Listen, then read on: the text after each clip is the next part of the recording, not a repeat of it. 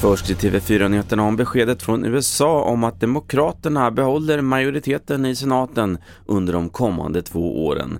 Ja, det står klart efter Catherine Cortez Mastos seger i Nevada mot den Trumpstödda republikanen Adam Laxalt.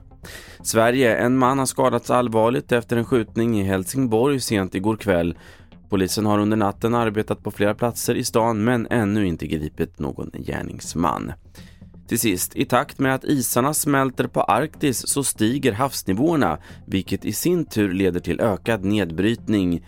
Löderups strandbad i Skåne är särskilt utsatt och nu vill många där att staten tar mer ansvar.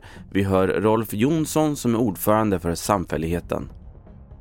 Vårt mål är ju att återställa stränderna i Löderups strandbad. Då behövs det ganska många och noga avvägda och utförda åtgärder. De kostnaderna klarar inte vi i samfällighetsföreningen, inte våra fastighetsägare och vågar jag säga, inte Ystad kommun heller.